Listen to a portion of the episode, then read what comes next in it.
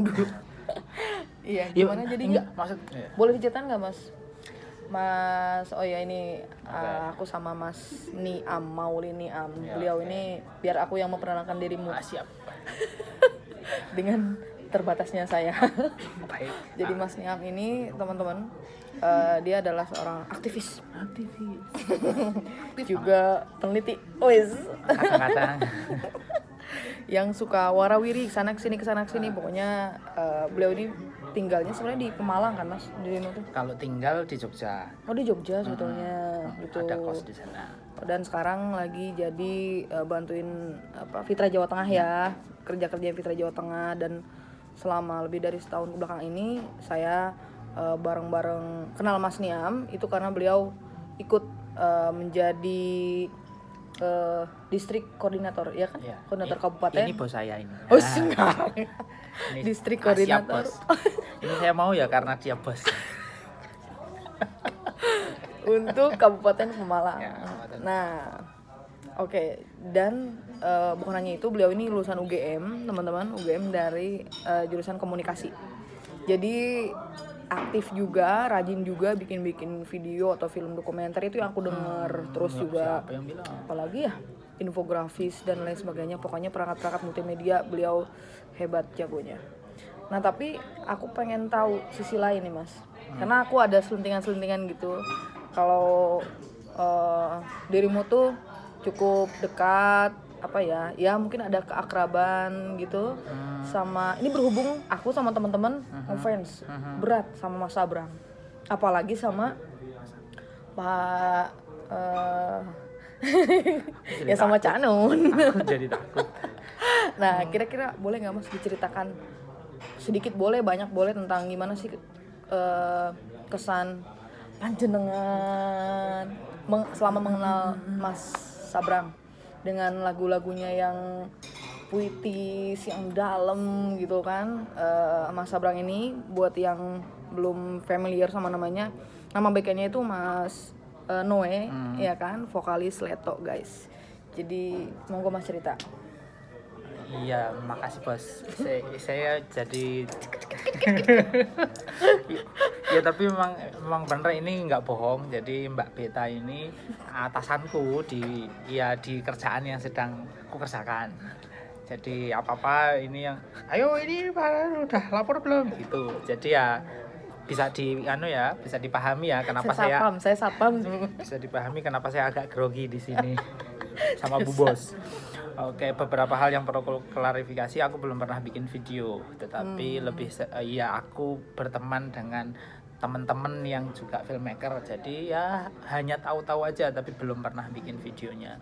Kemudian karena yang tadi ditanyain sebenarnya nggak deket-deket banget sih sama Mas Aprang bukan bukan deket yang gitu tapi deketnya lebih bermula dari lagu. Ya aku tumbuh bersama lagu-lagu Leto gitu aja deh Jadi kuat. aku tumbuh bersama lagu-lagunya Leto. Aku nggak nggak kenal siapa siapa bahkan aku nggak awalnya nggak tahu kalau uh, Mas Noe itu anaknya Cak Nun. Itu dua hal yang Oh, gitu? berbeda. Iya. Oh, tapi bahwa ketika aku dengerin lagu Leto kesan pertama aku eh, sebentar ini sepertinya lagu-lagu cinta. Tapi enggak enggak enggak enggak ini bukan lagu cinta biasa oh, ini bukan cinta untuk manusia ya ala-ala Hmm. apa remaja Iya, zaman itu. picisan, I- picisan. eh, Iya, karena waktu itu aku mengenalnya kan ketika aku masih awal-awal kuliah. Iya, gitu ya. apa namanya? Masnya kuliah, saya umur berapa dong? Duh, duh, duh. Tapi kan bu bos ya.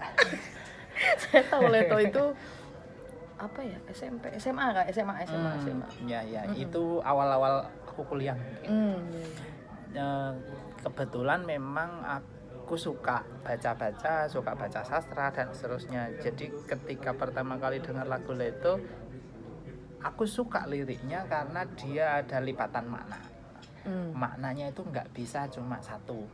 Nah, ibaratnya yang dengerin remaja nganggepnya ini wah pas banget. wah iya lagi jatuh cinta nih Ah.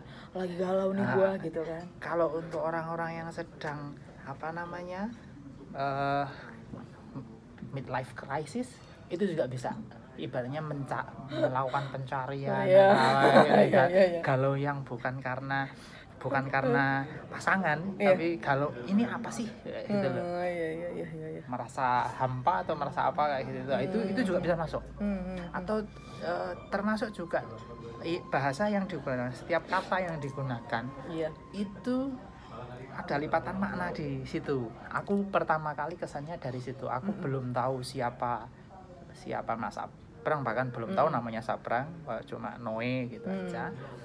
Ya udah aku hanya hanya suka karena ini liriknya mm, nggak biasa ini. Iya, unik ya. Nah, gitu aja. Dan kebetulan waktu itu aku masih ke mana-mana naik sepeda. Otakku nggak bisa berhenti mikir. Hmm. Jadi setiap kali misalnya aku lagi banyak pikiran dan kalau di kamar nanti kan ujung-ujungnya jadi rebahan aja. Biasanya, Kaum berbahan. ya, ya gitulah. Iya. Biasanya aku akan keluar naik sepeda dan keliling kota. Entah Mencari ke mana. inspirasi atau Enggak. enggak enggak. Enggak, hanya untuk me Relax apa, aja ya. relax aja membiarkan Jadi caranya Mas gitu ya, bersepeda. sepeda sambil membiarkan ini pikirannya mengembara ke mana-mana Hmm. gitu itu Kalau saya stres eh, makan. oke Pak. ya terpampangnya atas sih Terpapung nyata ya. iya hasilnya itu Jadi lagu idola Mas paling idola dan ada lagu-lagu eh, ya dari Mas Sabrang atau dari grupnya Leto itu yang Oke. paling berkesan. Itu apa? Eh, setiap lagu punya kesan sendiri dan aku punya punya makna tersendiri dari masing-masing lagu tapi yang masih ku ingat dan masih ku ingat betul wak- apa yang ku rasakan waktu itu adalah memiliki kehilangan Sama. Sama Wis. jadi eh, tapi sebenarnya itu juga bukan tentang oh, kalau di di Mm-mm. aku ya itu bukan tentang misalnya aku diputus Iya. atau aku Iya. apa hi- kehilangan pacar iya, bukan Iya. Eh, kehilangan HP Oh iya. tapi HP HP itu HP penuh perjuangan Hmm. ibaratnya eh, HP pertama yang ku beli dengan uangku sendiri kayak gitu itu yang yang nggak nganu sih ya cuma merek-merek Cina gitulah Hmm. tapi itu hilang terus aku mikir aku langsung protes ke Tuhan kayak gitu itu ini aku butuh kehilangan apa lagi sih kayak gitu Sampai gitu ya. ya ini ini semua ibarat ya merasa kehilangan aja Iya, iya. ini aku udah kehilangan ini aku kehilangan waktu itu eh, bapak juga meninggal udah meninggal ya ibaratnya kayak aku udah kehilangan ini aku udah Hmm. kehilangan ini ini aku butuh kehilangan apa yang penting itu kehilangannya atau memaknai kehilangannya Hmm. ibaratnya aku kehilangan barang ini Hmm. atau proses kehilangan itu sendiri sih sebenarnya apa gitu. Hmm. kalau aku sudah bisa mengikhlaskan taruhlah semua biasanya Hmm. biasanya kan kita gagal move on Iya, sampai iya. kemudian kita akhirnya yaudahlah yaudahlah move on gitu yaudahlah let it go tapi kalau sudah let it go terus kenapa aku harus merasakan kehilangan lagi sebenarnya yang lebih penting itu peristiwa kehilangannya atau makna dari kita mampu memaknai kehilangannya kalau aku sudah eh, mampu memaknai kenapa aku masih harus kehilangan lagi itu itu Ini yang perlu diresapi sama anak-anak zaman now. Gitu, padahal itu ya Sepakat mas. sekarang sih kemudian jadi hayo aku hanya kehilangan HP yang mungkin harganya cuma 300.000 ribu Hmm. Tapi ini kenapa bawa, bawa urusan Tuhan ini Oh iya. itu Jadi iya.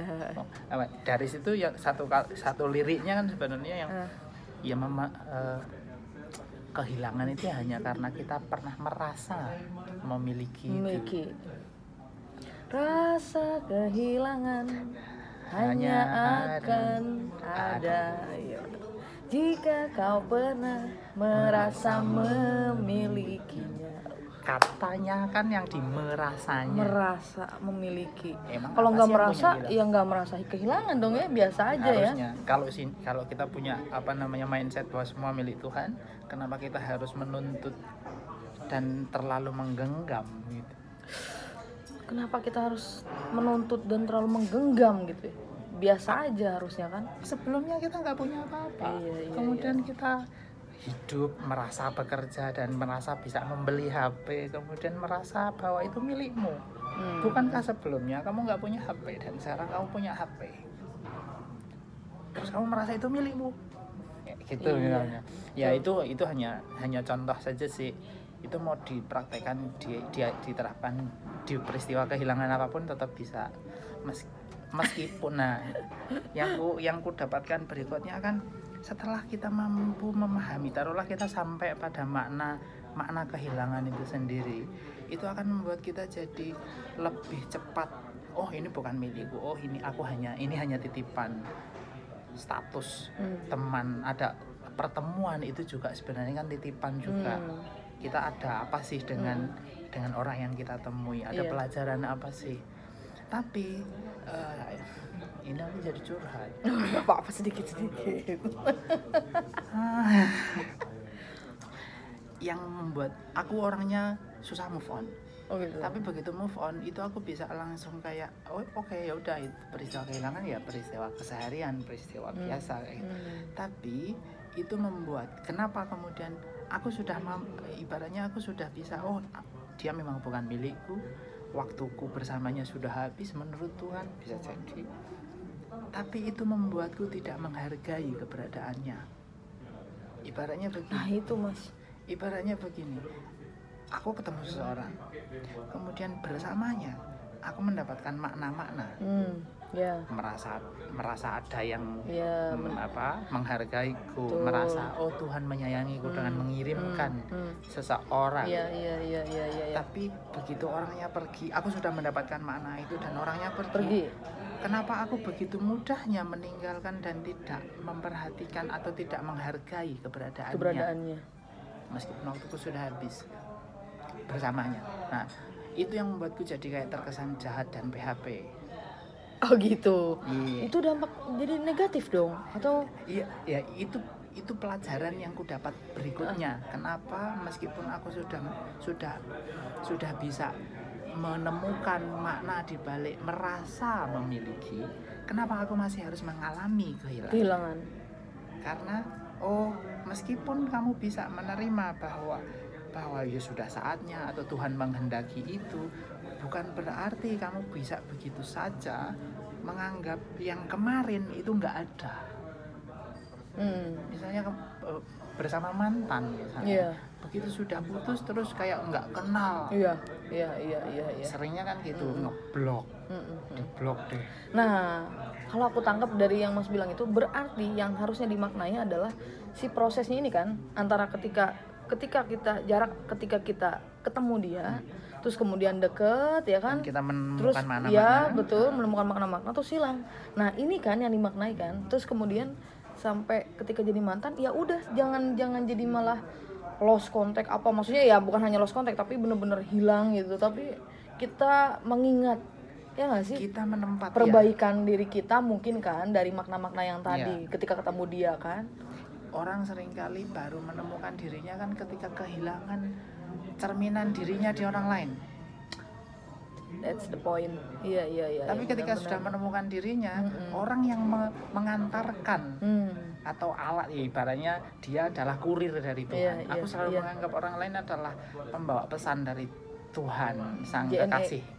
Sang kekasih sejati itu Iya. mengirim ini kalau aku iya laki-laki ya berarti dia adalah masterpiece-nya Tuhan yang dikirimkan kepadaku untuk membawa pesan tertentu. Ketika pesannya sudah aku terima, bukan berarti aku bisa semena-mena tidak menganggap abang Gojek atau mbak-mbak hmm, hmm, hmm, hmm. mbak-mbak ojol kemudian itu. hilang banget gitu Aku ya anggap nggak ada. nggak ada Ah dia hanya kurir. Ah, nggak bisa hmm. Karena belum tentu kalau orang lain yang mengantarkan belum tentu bisa sampai ke aku. gitu. Iya. jadi ya iya gitu deh. Itu kalau dari satu lagu itu yang eh memiliki pelik banget ya. kehilangan. Memiliki kehilangan iya. Ya karena memang saya sepakat sih. Aku harus aku sama teman-teman juga suka sama Leto sama karya-karyanya. Apalagi sekarang ketika kemarin ikutan Maiyahan tahun lalu beliau kan tampil ya sama kayak Kanjeng. Hmm. Terus ya sering juga dinyanyikan sama Cak Nun gitu kan. Ya mengembalikan memori-memori ya bukan hanya pribadi yang tadi Hmm, Mas hmm, bilang hmm. ya. Penemuan diri eh, apa namanya kepada Tuhan misalnya kepada alam dan lain Ya, sebagainya itu itu sebenarnya karena banyak banget karena sih. high quality jomblo aja sih terlalu gengsi untuk bilang suka sama orang. Oh ya dulu ya, dulu ya. Oh kalau saya sudah sold out sekarang. Out. Ouch. sudah apa namanya ya? Sold out. Just you and I, just you and I. Udah itu lagunya. Oke, ya udah deh. Adanya ini udah. Oke, um, menarik kalau kita obrolin uh, yang tadi uh, lagu-lagu yang disukai sama Mas Niam, terutama yang Itu baru satu uh, baru satu ya, pasti banyak yang lain dong. Nah kemarin aku dengar Mas itu apa sih jadi tim barengan sama Mas Sabrang untuk bikin apa aplikasi. Nah, itu menarik Mas, coba bisa diceritain nggak? Oh, kalau itu apa namanya? Sebenarnya tahun kemarin 2019. Mm-mm. Iya. Ah, ini juga menarik sebenarnya. Eh, sebelum sebelum per- berkesempatan untuk bertemu dengan Mas Abrang kan saya ketemu dengan lagu-lagunya dulu. Hmm. Kemudian ada suatu momen di mana eh, ah, lubang di hati itu eh, ketika Lubang di hati. Iya, iya. lagu lubang di hati itu itu maunya sama waktu aku masih kuliah tapi ketika men- pertama kali mendengarkan lirik itu aku kayak gini aku, aku juga mengalami proses yang kurang lebih mirip dengan yang ada di lagu, Lagu. itu nah ketika kesan pertamaku adalah hmm entah kapan kayaknya aku akan eh, eh, aku belum kenal masa perang itu ini orang usil nih kayak Hmm, gitu. hmm, someday I will meet Hmm. him kayak gitu. Hmm. atau ya kayak gitulah ini cuma batin aja Dari lagu itu, dengan lagu itu. ya? karena waktu itu aku sukanya gini kalau misalnya lagi apa mikir banyak terus sampai harus ketulis kayak gitu baru Iya. baru aku bisa lega nah waktu itu aku Berarti sampean banyak dong tulisannya, Mas? nggak banyak dulu Hmm. ini cuma Nulisnya apa? Puisi, cerita. ya puisi cerita Novel? enggak lah Tafsir? kalau novel enggak. Ta- tafsir iya tafsir Tafsir anggaran anggaran. Oke. Tafsir anggaran menarik ya. majelis tafsir anggaran Bagus nih kalau kita bikin itu majelis Iya. tafsir anggaran menarik, Mas. Eh, ada lagi yang Oh lebih iya, menarik oh. Apa? takwil anggaran karena sering kali anggaran itu tidak ada barangnya tidak banyak orang yang tahu barangnya Iya. anggaran itu apa kita hanya bisa mentakwilnya mengira-ira Iya, iya. Majelis takwil anggaran. Eh, ketika Mas Abram mengeluarkan lubang di hati Hmm. pada minggu-minggu yang sama aku juga eh, sedang kepikiran dan kemudian keluar satu puisi yang lubang dalam ruang Wah, lebih lebih luas lagi ya. Iya, aku menganggap bahwa dalam hati, eh, di dalam dada manusia itu ada ruang di mana segala sesuatu itu dia bisa menampung banyak, menampung apa pun. Hmm. Di, di dalam hati itu ada ruang yang semesta aja bisa masuk ke situ. Hilang. Ruang jadi ruang ini ruang di dalam diri ya. Iya, semesta dalam diri. Diri. Kayak gitu. Hmm. Ya gitu deh. Terus ini orang usil ini. Hmm. Gitu, gitu aja sih. Gitu.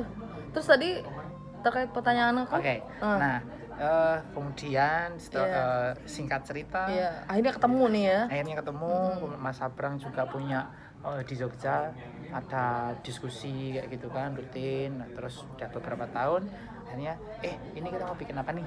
Hmm. Gitu, Me- apa namanya yang tahun kemarin itu kita bikin pantau bersama. Pantau bersama. Momennya memang pemilu, Oh jadi iya. gimana sih caranya agar kita publik masyarakat Mm, mm, mm. kaum rebahan ini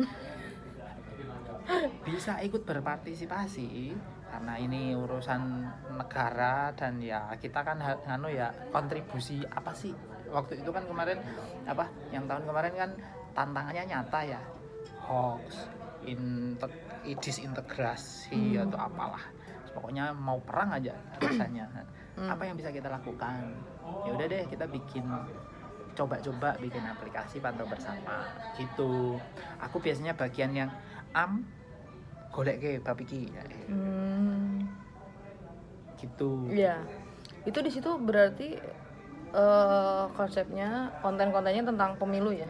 ya eh, apa membuat aplikasi yang itu mengajak user gimana agar apa ya pikirannya itu bisa di apa cara berpikirnya itu bisa di guide misalnya dengan dengan timeline apa informasi yang terkurasi Hmm, hmm.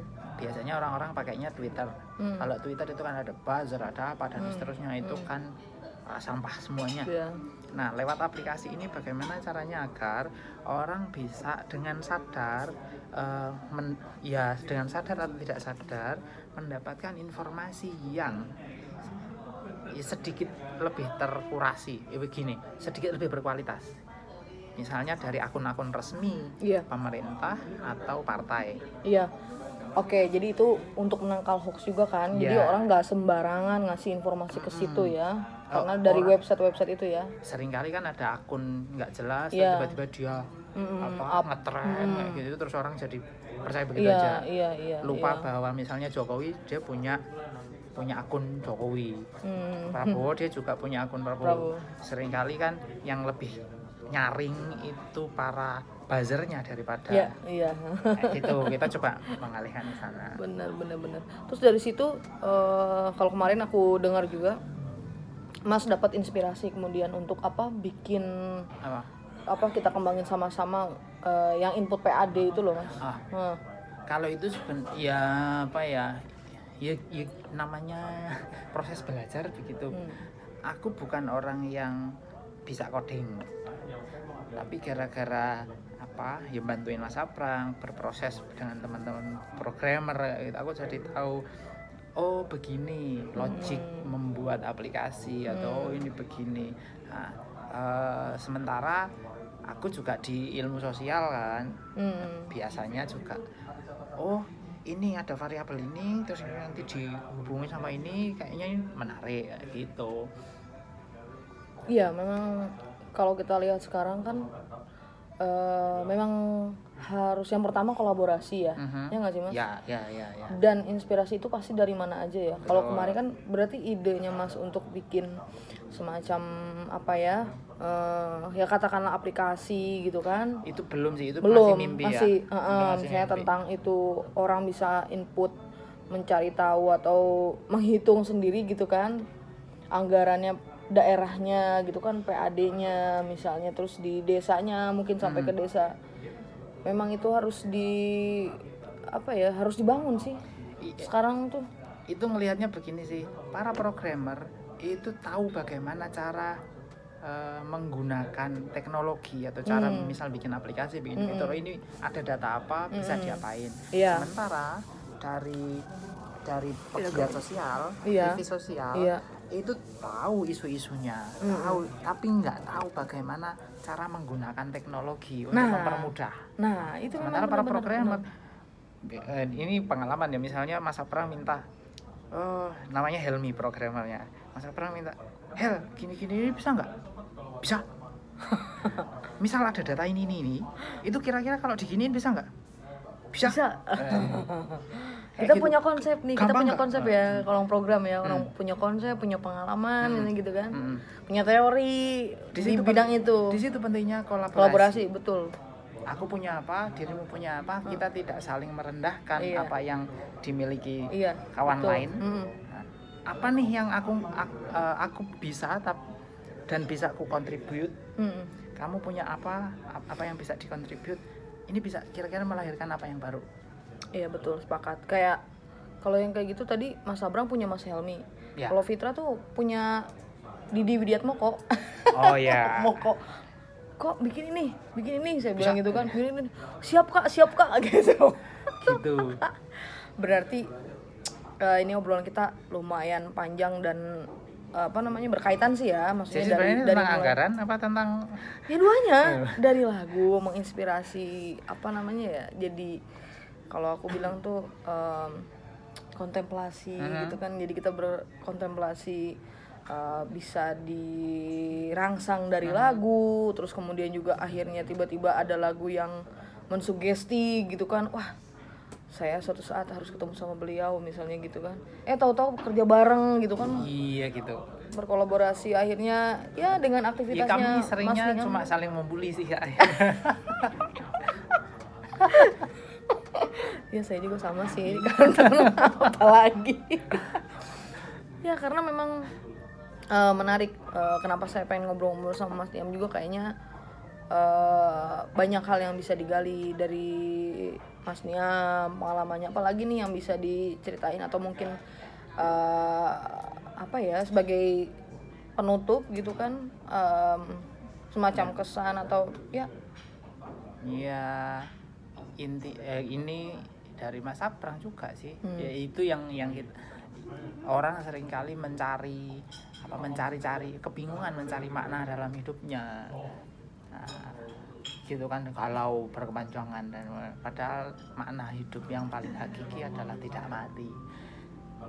Jadi selama tidak mati berarti itu ada kesempatan yang terberi dan tugas atau terserah yang diberi untuk mengisinya dengan apa dengan makna dengan cita dengan cinta. Terserah tapi yang jelas itu makna hidup yang paling hakiki adalah tidak mati.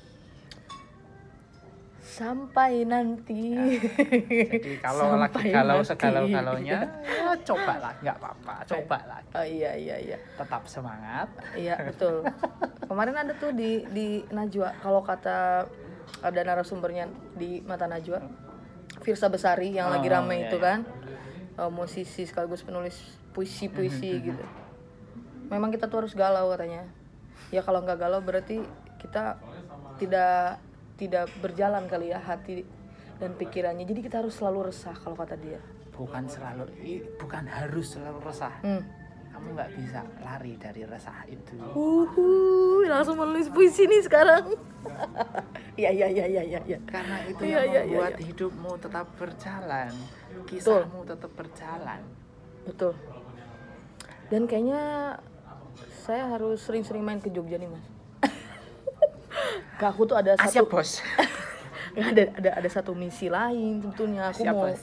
belajar tentang knowledge management ada di sana di Jogja di mana itu di Grahatma. hmm.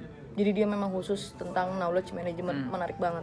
Nanti kan bisa tak mampir ke situ. Ya, boleh Terus mampir ke mana nih saya sih ya ke situ ke Gratma itu markasnya mereka baru nanti saya nunggu diculik Nah, gitu nunggu kan diculik. Kenapa Ya kan? nunggu? eh mbak mbak mbak ada ini mbak konser mbak eh gitu ya menarik menarik menarik memang Jogja itu penuh dengan apa ya penuh dengan kisah-kisah apa yang apa sih? Apa sih? Tapi orang-orang kreatif luar biasa memang sih di Jogja. Jadi kiblat. kalau galau kan ya di situ kreatif to create you have to galau Pulang ke kotamu. itu lagu galau loh itu Iya, iya, iya. Baik, baik. Waktu wisuda di UGM dinyanyiin nggak lagu itu? enggak Nggak. enggak Oh gitu. enggak tapi fansku banyak sih dapat Wih, fans. enggak sih Jadi eh, terakhir nih, terakhir Ya, banget. ya. Kapan mencalonkan diri jadi direktur eksekutif Fitra Jawa Tengah? Del. enggak A- aku tahu posisi Oh, nanti bilang eh, saya biar bilang ke Bu Nyai Maya. Spesialisasiku itu ada di ruang antara Uh, nah filosofi lagi nih. ya ya itu tadi menata sistem menggalau-galau sebentar ini ada apa ini kayaknya ada yang belum belum pada tempatnya gitu Tapi kan eh gak, gak selamanya Thomas jadi ruang antara. Kalau bisa di depan tuh langsung sundul sundul sundul sundul kenapa enggak? lah ya jangan dikira kekosongan itu tidak mampu mendobrak justru kekosongan itu yang penyundul-nyundul Kalau istilahnya politik tuh pembisik gitu. Eh, Iya kan bisikan kan juga lewatnya kan ruang hampa Iya, anta- eh, bukan iya. hampa sih antara ini Iya. So, kayak nggak kelihatan Oh iya bener sih. Dan antara, antara ada dan tiada aku itu hantu di mana-mana gitu. nah Antara bekas kaleng susu oh iya, disambung betul, benang. betul. sama iya iya bukan sekali ya udah gitu mas Nia makasih banyak buat cerita ceritanya Makasih juga, Bos. dan yush oh sih panggil bas bos bas mbak bos, bos. Mas Absurd. Aprang ini mbak mbak. Assalamualaikum mas Abrang. Kapan saya diundang? Main-main salto salto ya pokoknya ini anu lah udah ya ini udah ketemu satu. Nanti silahkan mau diapain. Kacau. Makasih banyak mas Niam. Semoga sampean semakin oh selalu sehat lah. Amin. Iya kan selalu sehat. Selalu menebarkan keceriaan ya kan? Ya, apa pun masalahmu aku sih nggak mendoakan sukses sih nggak. Apa pun masalahmu cobalah tetap senyum selalu. Baik. Apa ya lagunya Leto yang itu ya? Bukan itu motoku zaman oh gitu ya. dulu. Hmm, kita tutup dengan nyanyian lagu Leto yang tetap semangat. Oh iya. Dan Teduhkan hati di setiap hari. Sampai nanti. Sampai kapan mbak? Sampai mati. Nah. Oke. Dadah guys. Assalamualaikum warahmatullahi wabarakatuh. Waalaikumsalam. Kalau salam Maya gimana ya? ya udah ya salam. Salam Salawatan ya. Salam. Salatullah Ya salamullah Nabi. Oke